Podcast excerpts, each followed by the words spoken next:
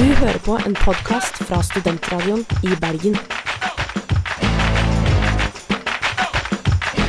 Flere podkaster finner du på srib.no.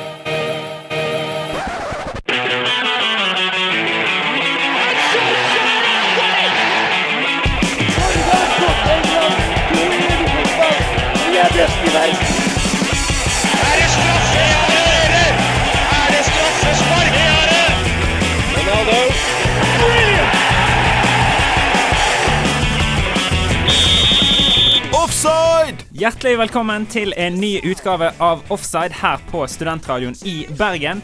I dag så skal Offside handle om følelser. Hva er det som gjør at vi føler en så enorm tilknytning til en fotballklubb og disse elleve spillerne ute på banen som det er vi gjør? Det er vår eh, hovedproblemstilling i dag, som vi skal dykke nærmere inn i. Mitt navn er Alexander Losnegård. Med meg i studio i dag så har jeg Daniel Instebø. Hei, hei. Og selvfølgelig Joakim Barth. Hei, hei! Hjertelig velkommen skal dere være, gutter. Dette tror jeg blir en god sending. Vi skal selvfølgelig som vanlig begynne med ukens låt her på Studentradioen i Bergen. Dette er Verdensrommet og Problem.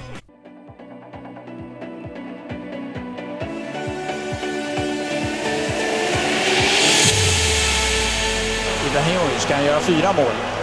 Ja, eh, det är inte helt otänkbart för nu är Joe Hart ute och det blir ett... Det blir mål! Det blir mål! Det är det värsta jag sett! Det är inte klokt! Han cyklar in den där från 25 meter! Det är inte klokt Jens! Det ska inte gå! Det ska inte gå! Men det gikk! Offside hver onsdag 11-12 på Studentradioen i Bergen. Hjertelig velkommen skal du være til en ny utgave av Offside. I dag så skal vi rett og slett snakke om fotball og følelser. Og da har vi, eller rett og slett du Daniel, har funnet en spennende rapport. Eh, som annet, for å begynne med det, sier det at eh, fotballsupportere viser større eh, empati med spillere på da laget som de holder med. Eh, ja, det er en veldig spennende studie fra Social Issues Research Center som ble publisert i fjor. Og eh, det er jo veldig mange spennende funn i den studien, men vi kan begynne med det som kanskje sier seg eh, sjøl aller mest. Og det er det at fotballfans viser større empati overfor spillere på det laget som de holder med. Det vil si at hvis f.eks. en spiller på det laget som eh, du holder med, blir skadet, så har det, fans av det laget viser større empati eh, overfor den spilleren. Da. Mens eh, eh, supportere av eh, annet lag de tenker kanskje at 'å, yes, han spilleren ble skadet, så da slipper vi å møte han i neste kamp'. Og det er jo egentlig en ganske syk tankegang. Hvis- du ser for oss liksom en, en serieavslutning, det står om gullet, og denne kampen hadde betydd jævla mye for den ene spilleren og spilt den. Tenk å kunne vinne seriegull, en kamp mellom Brann og Vålerenga f.eks., og så blir eh, den personen skadet, og så er det noen som godter seg over det. Jeg vet ikke hva dere tenker om det. Nei, jeg, eh, jeg har gjort det denne uka her, jeg, altså. Begge deler. Jeg har uh, feira og jubla når uh, Filipe Coutinho ble skada. Det var ekstremt deilig for meg. Jeg har null empati for uh, Liverpool. Uh, mens eh, jeg selv ble jo ganske lei meg når jeg ser Miktarian blir eh, blir eh, dratt ut på båre der og ja, mister eh, heldigvis ikke mer enn en uke. Ja, og så kan vi ta dette her med at La oss si at hvis eh, Marwane Fellaini Nei, han Eh, kan bli skada når som helst. Nei, men hvis han eh, driter seg ut, så er det jo kanskje motstanderfans som godter seg aller mest. Ja, det har jeg også fått kjenne på denne uka her. Ja. Ja. Mm, Det stemmer, det. det Fellaini, idiot som han er, selvfølgelig, fikk alle med seg. Han kom inn 85, lager straffe 87. United mister poenget sitt eller poenget ned mot eh, Everton på bortebane. Ekstremt viktige poeng hadde det vært. Eh, fått, uh, jeg var jo da fly forbanna rasende, mens uh, mange andre gossa seg om det. Kjenner jeg Alex òg, fikk jeg høre da. Var, han likte det veldig godt.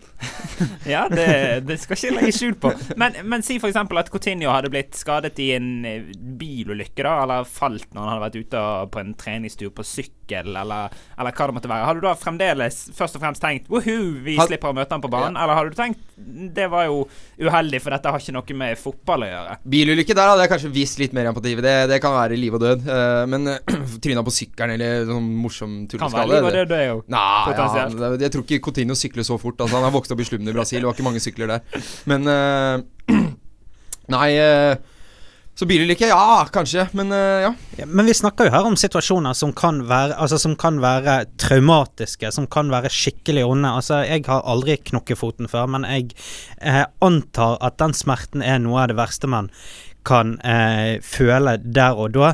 Og liksom følelsen av at man La oss si man leser en overskrift på nyhetene på, på, på nettet. Liksom OK, han er skadet. Yes, OK, det eh, setter mitt lag i en bedre posisjon foran kampen neste eh, helg osv. Jeg vet ikke helt eh, Det er jo ikke helt rasjonelt. Nei, men altså, jeg har jo hatt sånne skader før selv. Jeg har brekk i armen, jeg har røyk i korsbåndet, jeg har vært gjennom de greiene her. Altså, er du ikke sterk nok til å komme deg over det, og hvis du blir traumatisert av det, da har du egentlig ikke noe i fotballgame å gjøre, altså. Det må jeg bare si.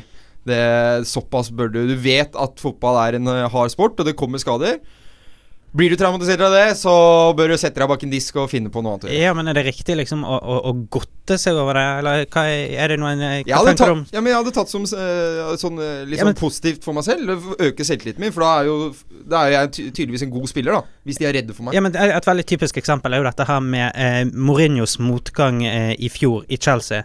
Eh, og bare se på liksom Ok, Mourinho eh, han er søkkrik, vellykket eh, osv. Det er ingen grunn til å føle synd på han, men likevel, det var jo et helt enormt press han gikk gjennom. Han ble jo på en måte Til og med jeg eh, mobbet jo litt i Ane, mine Chelsea-venner, for den motgangen som de gikk gjennom, og, men det kan jo ikke ha vært helt lett for han, eller? Nei, men det er jo kanskje på en måte det man sånn litt sånn til syvende og sist glemmer. At dette er eh, i bunn og grunn eh, vanlige folk som, som meg og deg. Eh, Men så er det jo gjerne litt lettere å tenke på en måte sånn som Joakim er inne på her, at ja, men liksom det betyr det at jeg er en god spiller.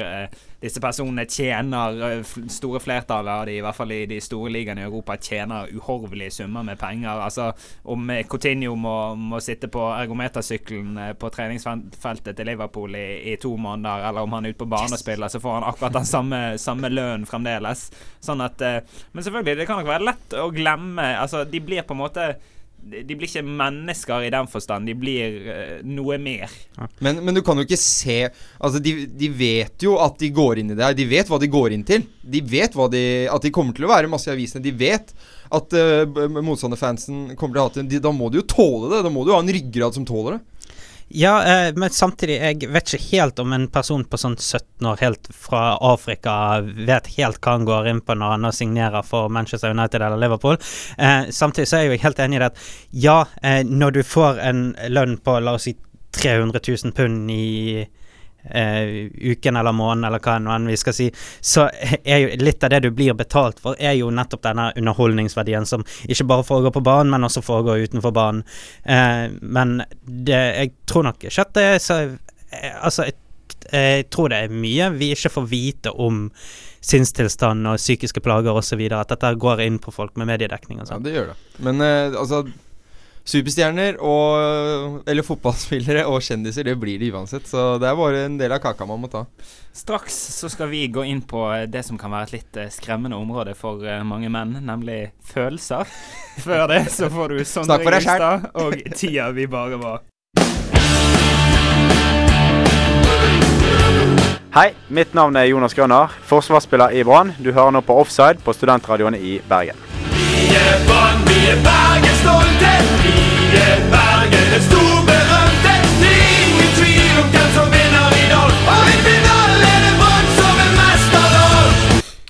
Det gjør du, og eh, siden du Joakim jo var så ivrig her på å proklamere at du er i så god eh, kontakt med dine følelser, så kan jo du begynne med å svare på eh, spørsmålet Har du noensinne grått når du har sett på fotball? Ja, altså Jeg, Jeg tenker jo at eh, når du holder med Manchester United eh, eller, helg. eller, eller Vålerenga, eh, Vålerenga da, da er det mye tårer eh, som er involvert. Og selvfølgelig har jeg grått, men eh, det må jo du ha gjort nå, eh, Daniel. Ja, men du, du, du er jo supporter av lag som liksom i din levetid knapt nok har rykket ned.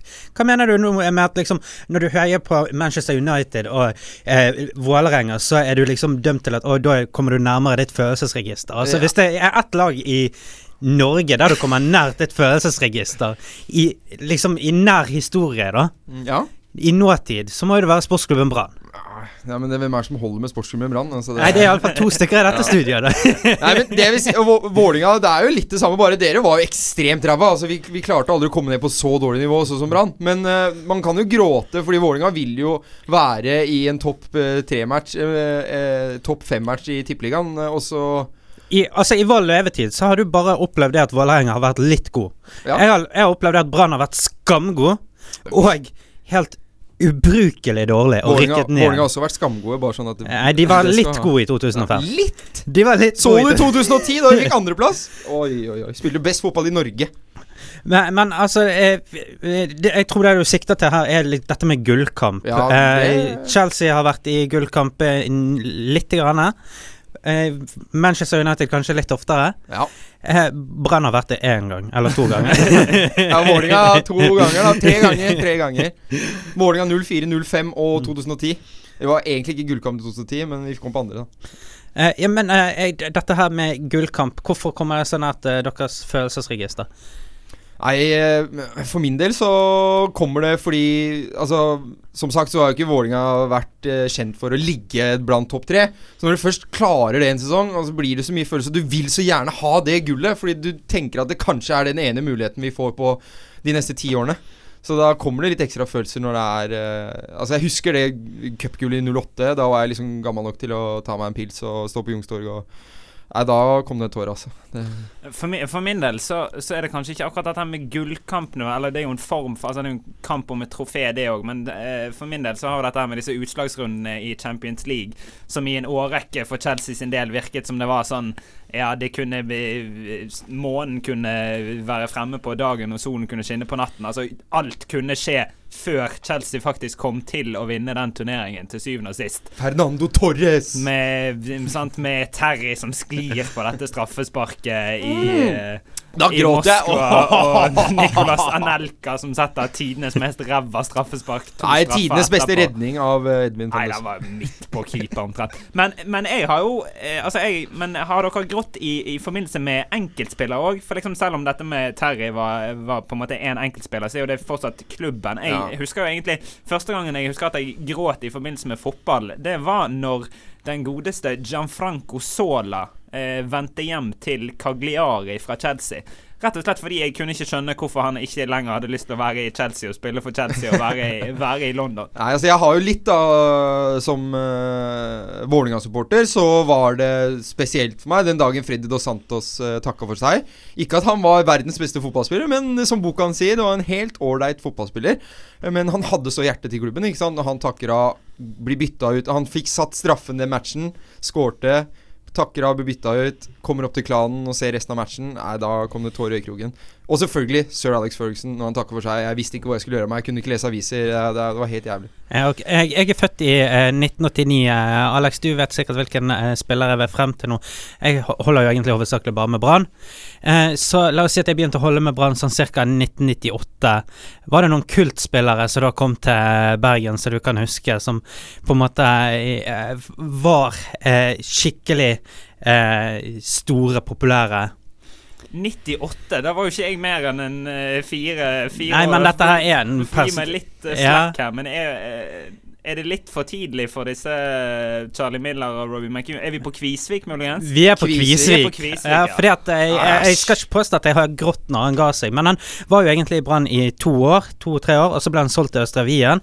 Så kom han tilbake og var i Brann i to år til. Og han er på en måte den spilleren som, eh, når jeg var liten, som på en måte var aller mest populær, da. Og som jeg, jeg hadde 27 på drakten og sånn. Og når jeg tenker tilbake på den gode gamle tiden da jeg var ung og Brann, så var det jo Raymond Kvisvik og Torstein Helstad og Karadas eh, som eh, Så eh, det var, det var, det var litt eh, kjipt når Ramon Kvisvik bestemte seg for å heller eh, flytte tilbake til Fredrikstad.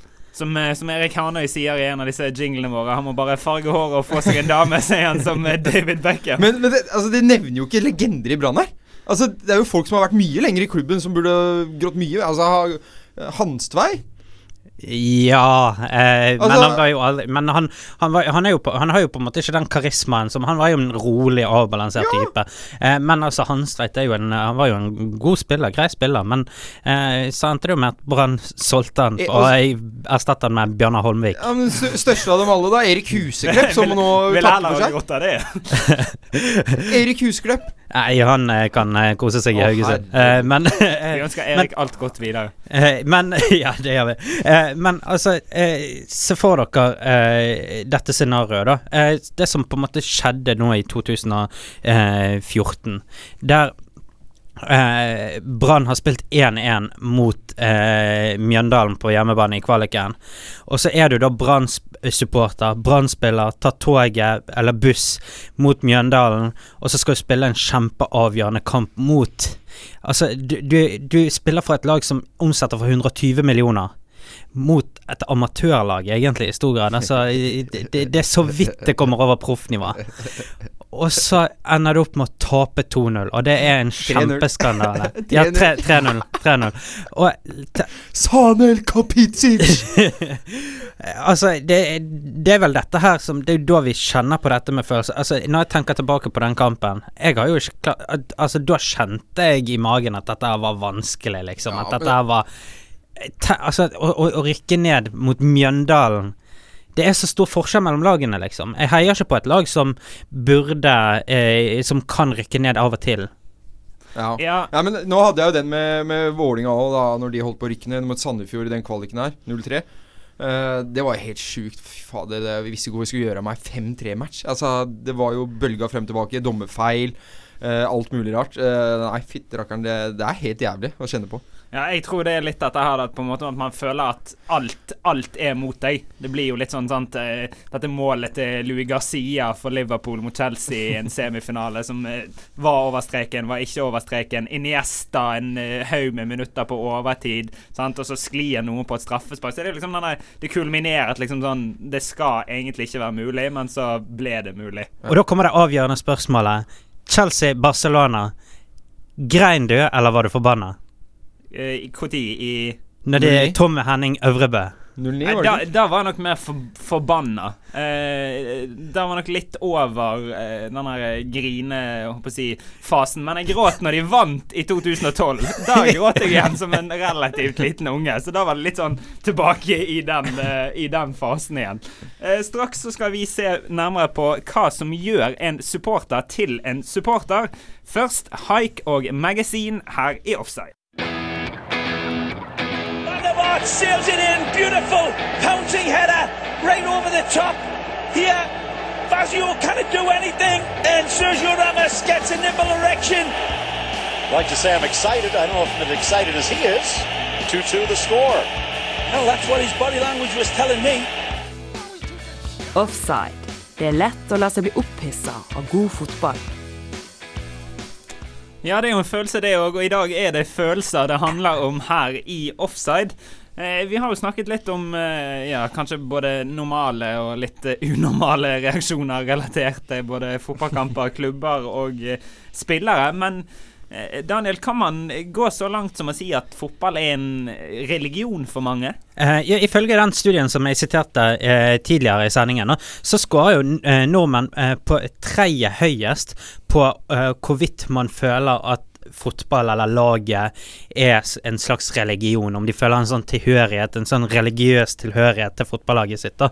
Eh, la oss si at eh, eh, 68% av respondentene eller noe sånt svarer det at de har en veldig sterk tilhørighet, en slags religiøs tilhørighet til fotballaget sitt. Det er bak eh, eh, annet Portugal, da. Uh, og det er jo litt spesielt, da. Uh, altså, hvorfor havner Norge så høyt på dette her? Nei, eh, altså Norge har, er jo egentlig bygd opp som et eh, kristenland, men eh, vi har jo nå avsatt statskirken, og det kommer opp nye ting, deriblant fotball, kanskje. Kanskje vi får en stavstadion etter hvert. Men nei, det er jo det at folk altså, Som vi sier, snakka om følelser. Det er enormt mye følelser. Mange som har mye følelser i religion òg, men kan, det er vanskelig for de som har så mye følelser for religion, å se det samme for folk som har så mye følelser for fotballklubben sin. Men for folk som har følelser for fotballklubben, så er det vanskelig å se det på den andre siden. Så, men det, det er bygd seg opp så mye, det er så mye penger involvert. Det er så mye føl altså, For folk som ikke har så mye annet i livet, trykker ofte fotballklubben tettere til sitt bryst. Og da blir det enda mer emosjonelt. Ja, og så er det jo eh, Kan vi jo kanskje si eh, at eh, det er jo nok av nordmenn òg som valfarter til England, om man vil, som vi har en særlig sånn fotball-connection til. Ja, det er jo veldig interessant, for dette, dette har jo med tippekampen som var på NRK på 70- og 80-tallet, og denne enorme interessen som er for Premier League i Norge, da, der folk reiser, og, og, og det at folk i Norge sier liksom 'vi'. Ja, vi i laget sitt, Chelsea, eh, ja, ja. vi i United. Selv om liksom Manchester United kan jo egentlig ikke bry seg mindre om han er ene som sitter i, i liksom eh, Ser på 55-tommeren Brønnøysund og, og følger United, liksom. Det er jo ikke vi. Men likevel så, så snakker man om dette vi-et, da. Eh, ja. Men du ser jo det på klubber i, i Norge, som f.eks. Vålinga da, som sier eh, i flere sanger og 'Vålinga er religion'. Vålinga er Altså, det er det de tror på. De tror på at Vålinga er best, ikke sant. Det, er, det blir jo på en måte en religion, fordi man tror jo på at man skal oppnå noe som man ikke alltid får oppnå. Ja, jeg, jeg, jeg kan iallfall si at for min del så jeg er nok ikke så engasjert at jeg ville si at fotball er en religion. Jeg vet ikke om det er å banne i kirken, om du vil. Eh, men eh, det er jo veldig mange som er veldig engasjert. De henger rundt om på disse stamstedene. Man har liksom forskjellige eh, samlingssteder, puber, lokaler. La oss si eh, Brann-supporterne har fotballpuben, og Victoria. Vålerenga-supporterne har eh, Bohemen. Bohemens. Eh, Stabæk-supporterne har Onkel Blå. Men det blir jo da på en måte kirka for dem, hvis du skjønner hva jeg mener. For det Hæ? blir jo På Bohemen så skal du være forsiktig og komme inn hvis Altså, de er jo ikke slemme, men eh, det er jo en pub for Vålerenga-supportere først og fremst. De viser all annen fotball her òg, spesielt engelsk. Men eh, når det er Vålerenga-match, så er det Vålerenga-supportere eh, all the way. Altså, da Ja, er det de som må førstepri. Ja, men ikke det litt spesielt det at, eh, liksom, at man føler en så sterk tilhørighet for et fotballag at eh, Og altså, jeg vet jo det at dette ikke er helt 100 trygt, eh, men at liksom eh, Kanari-fans eller Brann-supportere, de er rett og slett ikke velkommen der. Og, og hvis de går der, og hvis de er for høylytte, høylytt, så kan de rett og slett Ja. bli skambanket. Det er ikke det litt spesielt? Jo, altså jeg eh, Noe av det som på en måte gjør at jeg kanskje ville eh, Altså kan trekke litt linjer mellom fotball og religion, er jo det at eh, for min del så er på en måte fotball noe som eh, Altså, det omfavner mer enn bare selve kampen, bare de to ganger 45 minuttene. Sant? Vi er jo her nå i dag og snakker om det. Eh, jeg snakker om det på, på studiet. Eh, Hvis man er på jobb, snakker man om det. Sant? Du snakker med familie om det. Du har noen i familien som holder med andre lag. Altså, det er på en måte eh, alltid en en icebreaker. Altså Jeg har i flere nye situasjoner, eh, eller situasjoner med nye folk, så har annet eh, f.eks. bevisst ikledd meg eh, ting med emblemer eller logo eller sånne ting. For da blir det sånn Å ja, men jeg ser at du er Brann-supporter, jeg ser at du er Chelsea-supporter. De gjør det jo kanonbra, eller gjør det jo helt elendig, eller Ja. liksom Og så har man på en måte med en gang noe felles å snakke om. Og det er den felles tilhørigheten Ja, som da, da er det liksom godt tips hvis du er dårlig på smalltalk, begynn å prate om fotball. Ikke Ja. sant? Da har du alltid noe å prate om. Men eh, nei, eh, altså fotball har jo fått en altså, Takket være media òg, kan du si, eh, fått en så stor plass i verden og i livene til alle. For du har så lett tilgang Så det er kanskje det det gjør at folk får så mye følelser for det, Fordi det er der hele tiden. Ja, men denne forbindelsen mellom fotball og religion, og denne her eller uttalelsen om at liksom fotball er som en religion for meg, det blir på en måte eksemplifisert for min del ved at eh, før eh, Vålerenga-kamp og i, før starten av andre omgang, så synger eh, Vet du hvilken sang Vålerenga-supporterne synger da på Ullevål eh, før kampen starter? Eh, altså, de synger eh, sangen som heter Vålerenga kirke. Ja. Og det, det liksom skaper denne forbindelsen mellom religion og fotball. Og jeg, jeg synes at den forbindelsen Som, som artist så synes jeg at den forbindelsen er ganske rar. Rar. Det er jo det med at det er noe som skjedde for i den bydelen, og det var noe som ramma alle. Og det viser seg at man kan stelle seg sterkere opp igjen etterpå. Eh, det er jo en metafor. Det er jo at man kan bygge seg fra ingenting til å bli noe større. Og så viser det vel kanskje òg at hvis man skal være Vålerenga-supporter, så kan det være godt å være litt ekstra sterk i troen. Ja, det må du i hvert fall være for å være Brann-supporter, for der rykker du ned til og med. Snart så skal vi snakke om et eh, relativt eh, vanlig fenomen, nemlig at mange holder med samme lag som sine foreldre. Først så får du vår eh, gode favoritt her i Offside. Dette er Pasha! og White Girl.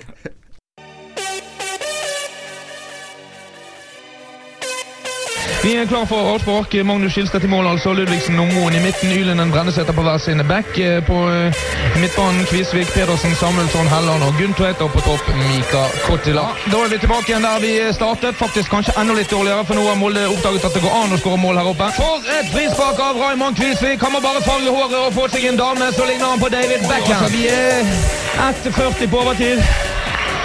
Har ikke pust igjen. Andreas Lund Torstein Hestholm Troen! Det var nesten tribunen og skrudde ballen 180 grader rundt, akkurat som en golfspiller! Offside. Supportere i tykt og tynt.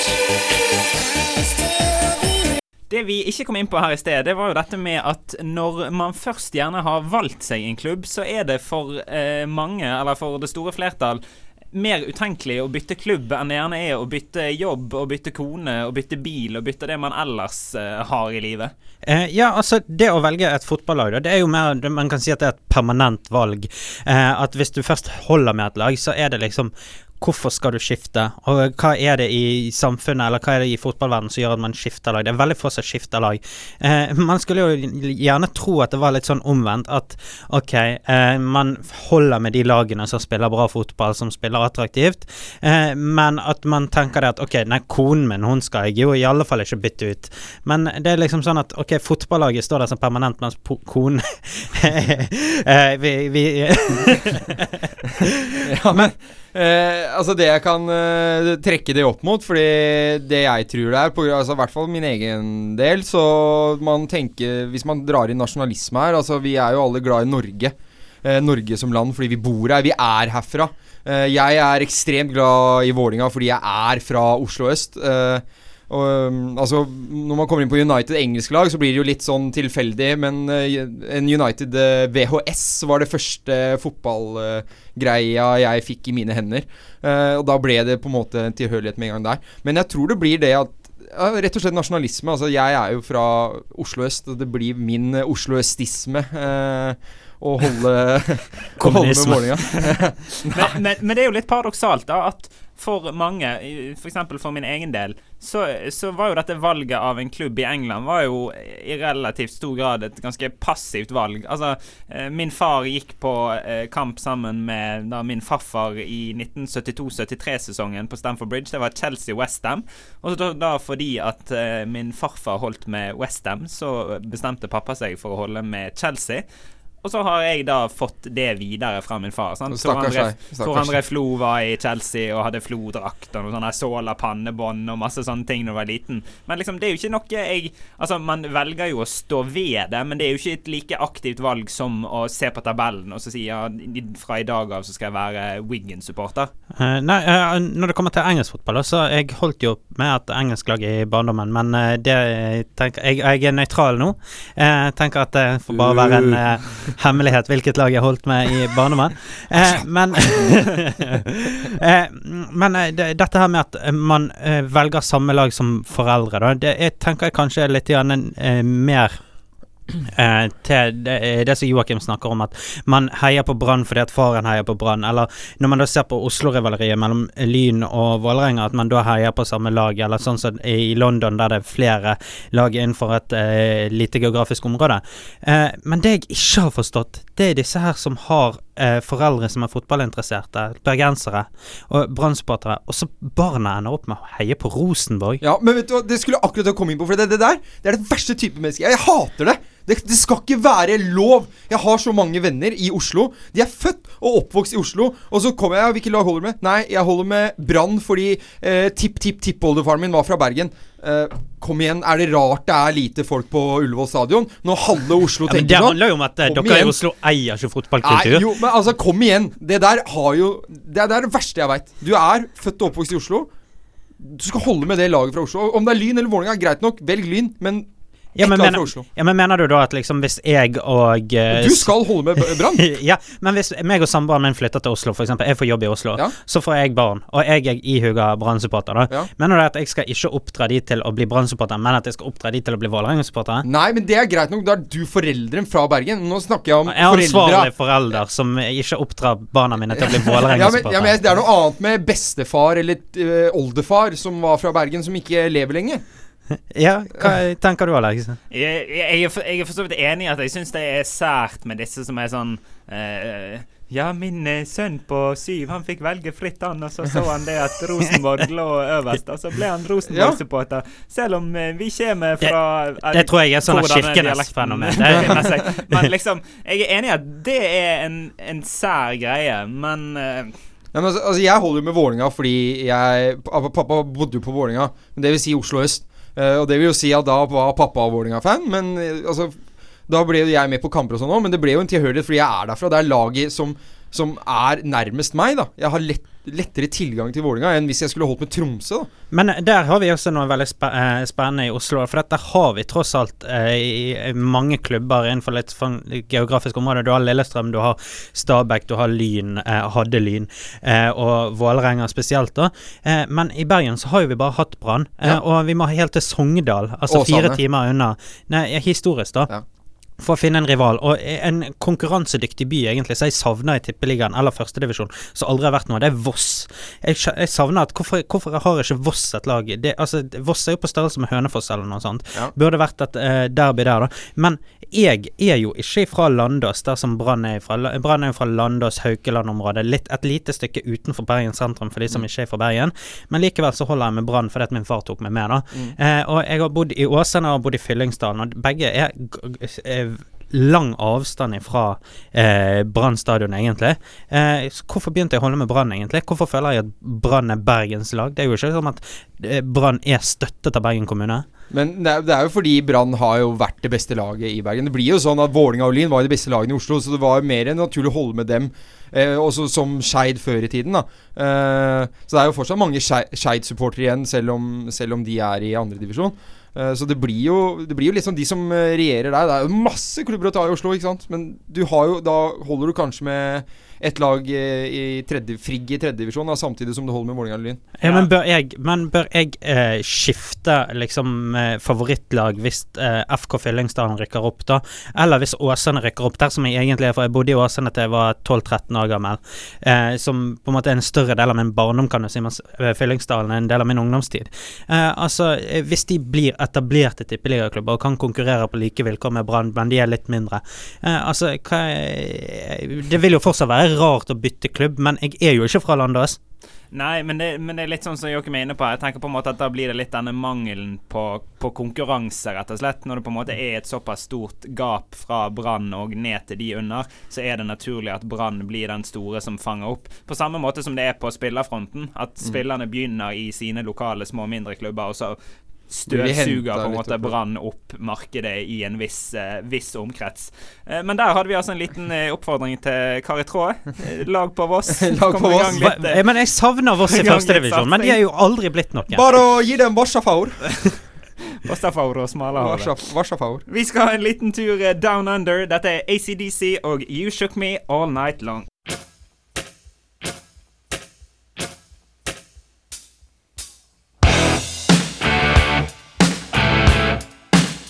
Halla, mitt navn er Melvin Gjallal. Du hører meg på Offside på Studentradioen i Bergen. Mitt navn er Alexander, og med meg i studio i dag så har jeg Daniel og Joakim. Hei, hei, hei.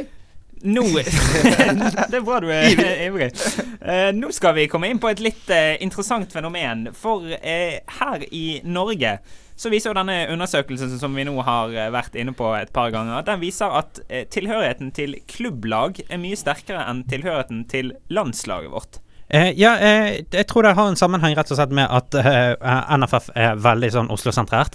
Eh, at eh, Norge spiller landskampene sine på Ullevål.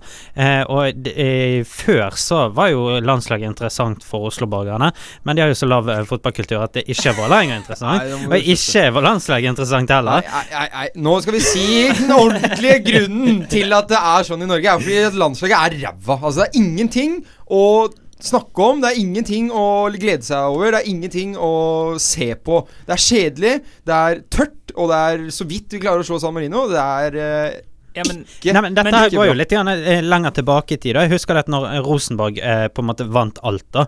Jeg synes ikke det var så kjekt å se på landslaget, egentlig. For det første, altså for å være litt seriøs, da, for at eh, landslaget var et Jeg var Oslo-lag. seriøs, jeg var Ja. seriøs. Ja. men eh, at landslaget er et Oslo-lag.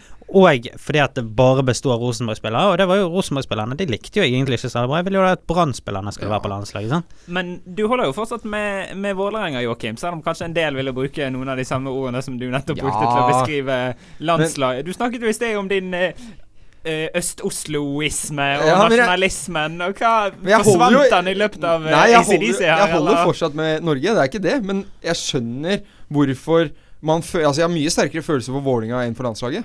Men hadde jeg vokst opp eh, på 80-tallet og vært vært liksom 14-15 år eh, i storhetstida til Norge når vi var på tredjeplass på Fifa-rankingen og greiene der, så hadde det kanskje vært noe annerledes. Da hadde jeg kanskje hatt like sterke følelser for Norge, men det var fordi det var helt annet. Ja, men, eh, ja, men se eksempel på eh, England. De reiser litt grann Når Wembley var under rehabilitering, så måtte de reise rundt og ha kampene rundt om. Nå spiller de kun på Wembley. Italia er et lag som er veldig flink til å reise rundt om i Italia og ha EM-kvalifiseringer og VM-kvalifiseringer rundt om i landet. For at Italia det er eh, folkets lag, det er landslaget. Og eh, det mener jeg også at for at Norge skal få interessen opp, så er, no Norge nødt til å spille hjemmekampene sine på andre arenaer enn på Ullevål. Eh, og eh, dette er noe som Fotballforbundet de unnskylder seg med at liksom eh, Og av eh, Ullevål Business Club så kan vi ikke gjøre dette her, da. Men de fra Bodø, de fra Bergen, de fra eh, eh, Stavanger og, og, og, og Kristiansand, de føler ingen tilhørighet til landslaget. Tenk hvor kult det hadde vært å få sett Martin Ødegaard spille landskamp på Brann stadion eh, eller på Viking stadion og appellere til barna. Ja, men det, Jeg er ganske enig i det, at Norge, Norge bør være flinkere til å spille landskamper andre steder. Men så har du det utfordrende i Norge med, med underlaget. Altså, eh, Landskampene kan vil jo ikke bli spilt av mange som ikke vil spille på kunstgress. Og da er det ikke mange stadioner igjen å ta som er store nok i Norge. Du har Vikingstadion, du har Lerkendal, du har Brann stadion eh, og Ullevål. Eh, som er liksom de som rommer mest. Og jeg ville gjerne sett at de ru ru rullerte litt på de her. Fordi altså Å få en landskamp til Lerkendal tror jeg hadde Det vært fullstappa Lerkendal, tror jeg. Fordi grunnen til det at uh, Altså Rosenborg-fansen er så hypa på fotball akkurat nå. Eh, Spesielt nå når uh, interessen er på et bunnivå. Det er jo på en måte da du må ta tak og endre på ting. Og da du har mulighet til å endre på ting. Når det er 25 000 som bestiller billett til Ullevål, så er det vanskelig å gjøre, endringer. For da kan man ha unnskyldninger for eh, liksom vipp og kapasitet osv. Men det er veldig få som går på landskamper nå, og det er veldig liten interesse blant vipper også. Og så blir det ikke noe bedre av at de ansetter Nils Johansen! Hva er det som skjer?! Nei, fytti rakkeren. Uff. Det er ingen som gidder å se på det. Nei, men eh, for å få interessen ut igjen i distriktene, så ja, altså, jeg vil se landskamper på, på Brann stadion. Og dette gjelder også Men dette gjelder også U21, dette gjelder også U19, dette gjelder også U18, dette gjelder også kvinnelandslaget. Kvinnelandslaget spilte et par kamper på eh, Brann stadion Mm. eh, for noen år siden. Eh, nå spiller liksom U21, de spiller på, eh, på Marienlyst. Og det er jo kunstgress, sånn som, som du Ja. Altså, eh, altså Vi må se Altså, disse her eh, eh, U-landskampene, de må også gå på Aspmyra Brann stadion. Altså, vi må spre Ikke, til folket. det er ikke klima nok der, ass. Det er Jo, det er bare kaldt. Send de opp til Tromsø for Kan ikke spille landskamp i november i Bodø. Hvordan vil det gå for Norge-Tyrkia? Hvem tror du vil lide mest av å spille på, oss på, på, på Alfheim? Man skulle jo tro Tyrkia, men Norge. jeg, jeg tror jo personlig så tror jeg det har oppstått et skille i befolkningen mellom sånn cirka vår generasjon, de som egentlig aldri har eh, sett, eller i hvert fall knapt kan huske, et, spesielt godt Mm. landslag, ja, kontra eh, våre foreldre, våre besteforeldre, som i hvert fall har et par av disse mesterskapsdeltakelsene som de kan se, se tilbake på, og som dermed på en måte i hvert fall vet at Norge kan være så gode, men som da blir tilsvarende Altså, jeg blir jo Den følelsen jeg først og fremst kjenner på i forbindelse med landslaget, det er at jeg blir oppgitt. Og det tror jeg òg de som har sett OK, vi var i EM her, vi var i VM der. Jeg tror òg de tenker at ja, men det er ikke så lenge siden eh, VM i USA, eh, VM i Frankrike. Hvorfor skal vi nå være så fryktelig mye dårligere enn vi var på den tiden? Men for å, for å dra en sammenligning med klubblag og, og landslag der, da, så Man føler jo for så vidt jeg, Når jeg ser på Norge nå, så føler jeg jo sinne når de gjør det dårlig òg. Akkurat som jeg føler sinne når Vålerenga gjør det dårlig. Det er jo, det er jo en samme der, men bare at sinnet mitt med Vålerenga blir så mye høyere. Hva mener du, Alex? Er det mye sinne når du ser på Norge? Kan jeg ikke akkurat huske når jeg ble Ja, men Når de taper mot Aserbajdsjan, du blir jo sint, du blir jeg, provosert. jeg smilte, jeg. Det, det, men altså, det er der, det er der jeg heller blir oppgitt. Ja, altså, men jeg, men jeg, er, jeg er forbi den å være sint-fasen. For det er, altså, det er bare så håpløst Ja, men- å, å se på at uh, Jeg blir jo jeg, sint or, jeg orker rett og slett ikke å bruke energi på å bli sint på altså, Nei, jeg har masse på, nok energi til Hadde du på en måte hatt et landslag som i den ene kampen slo Tyskland 2-1 på Ullevål, og så reiste til Baku og tapte 1-0, så hadde det jo blitt sånn Ja, men hva i er det dere holder på med? Men når det er sånn Ja, vi reiser fra å akkurat klare å slå San Marino til å liksom tape 2-0 omtrent uten et skudd på mål i Tsjekkia, så blir det jo sånn Og det som, det, det som er veldig interessant, og kanskje kan avslutte med, det er jo denne her eh, Hvorfor følte Norge så sterk tilhørighet til Island under fotball-EM? Eh, det var jo plutselig, plutselig så var det flere norske som, til, som høyde på Island enn det de heier på det norske landslaget. Det er jo ganske interessant. Ja, det er Jeg, jeg syns jo det er gøy Altså Egentlig syns jeg det var gøy med Ungarn òg, fordi det en, altså når det er en liten nasjon som bare drar en liten sånn Askeladden-tur det, det er dritgøy å se på uansett uh, hvilket landslag det er. Men jeg tror Island spesielt at man føler litt mer tilhørighet. Mange islandske spillere har vært innom i Norge. Man føler kanskje at det er Mini-Norge, om man kan si det på den måten. Når man ikke Man må klamre seg til alt man kan når man ikke har et eget lag der. Alle kjenner en islending. Altså Birker Bjarnason ble jo nesten snakka om som han var norsk. Ja, men jeg- Han er altså, jo nesten norsk, da, Jeg, jeg, tror, jeg tror jo det at eh, Altså, en del av det går jo sikkert på at eh, her ser vi på en måte et ja, et slags mini-Norge. sant? Altså, Islands, Som gjør det mye bedre enn Norge. Islands seier over England, det var vår seier over eh, Brasil. Ja. Eller noe Norge kan se opp til. Ja. Ja, ja, for øyeblikket så er det, det er jo det fotballstormakt. Men det er jo absolutt noe Norge må strekke seg etter. Kom og lær oss noe om fotball i Island. Vær så snill! Dette er Slutface og Fever Art her i Offside. Det var Slutface og Fever Art her i Offside. Dagens eh, sending går rett og slett mot eh, slutten. Det er fotball og følelser som har vært eh, tema her i denne litt lille spesialvarianten av Offside. Tusen takk til dere mine herrer, Daniel Instebø og Joakim Barth, som har vært med meg her i studio. Takk òg til vår produsent Daniel Horgen. Hvis du gir klipp av denne ukens utgave av Offside, så finner du selvfølgelig podkast på srib.no slash offside eller på iTunes. Så er vi selvfølgelig òg interessert i at dere følger med oss på sosiale medier. Gi oss gjerne en tilbakemelding på iTunes om hva vi gjør bra, og hva vi kan bli bedre på. Da hører du Offside igjen på nyåret. Da skal vi være klar med mye nytt og spennende til våre trofaste lyttere. Frem til det så får dere Hanne Kolstø og To rom. Du hører på en podkast fra Studentradioen i Bergen. Flere podkaster finner du på srib.no.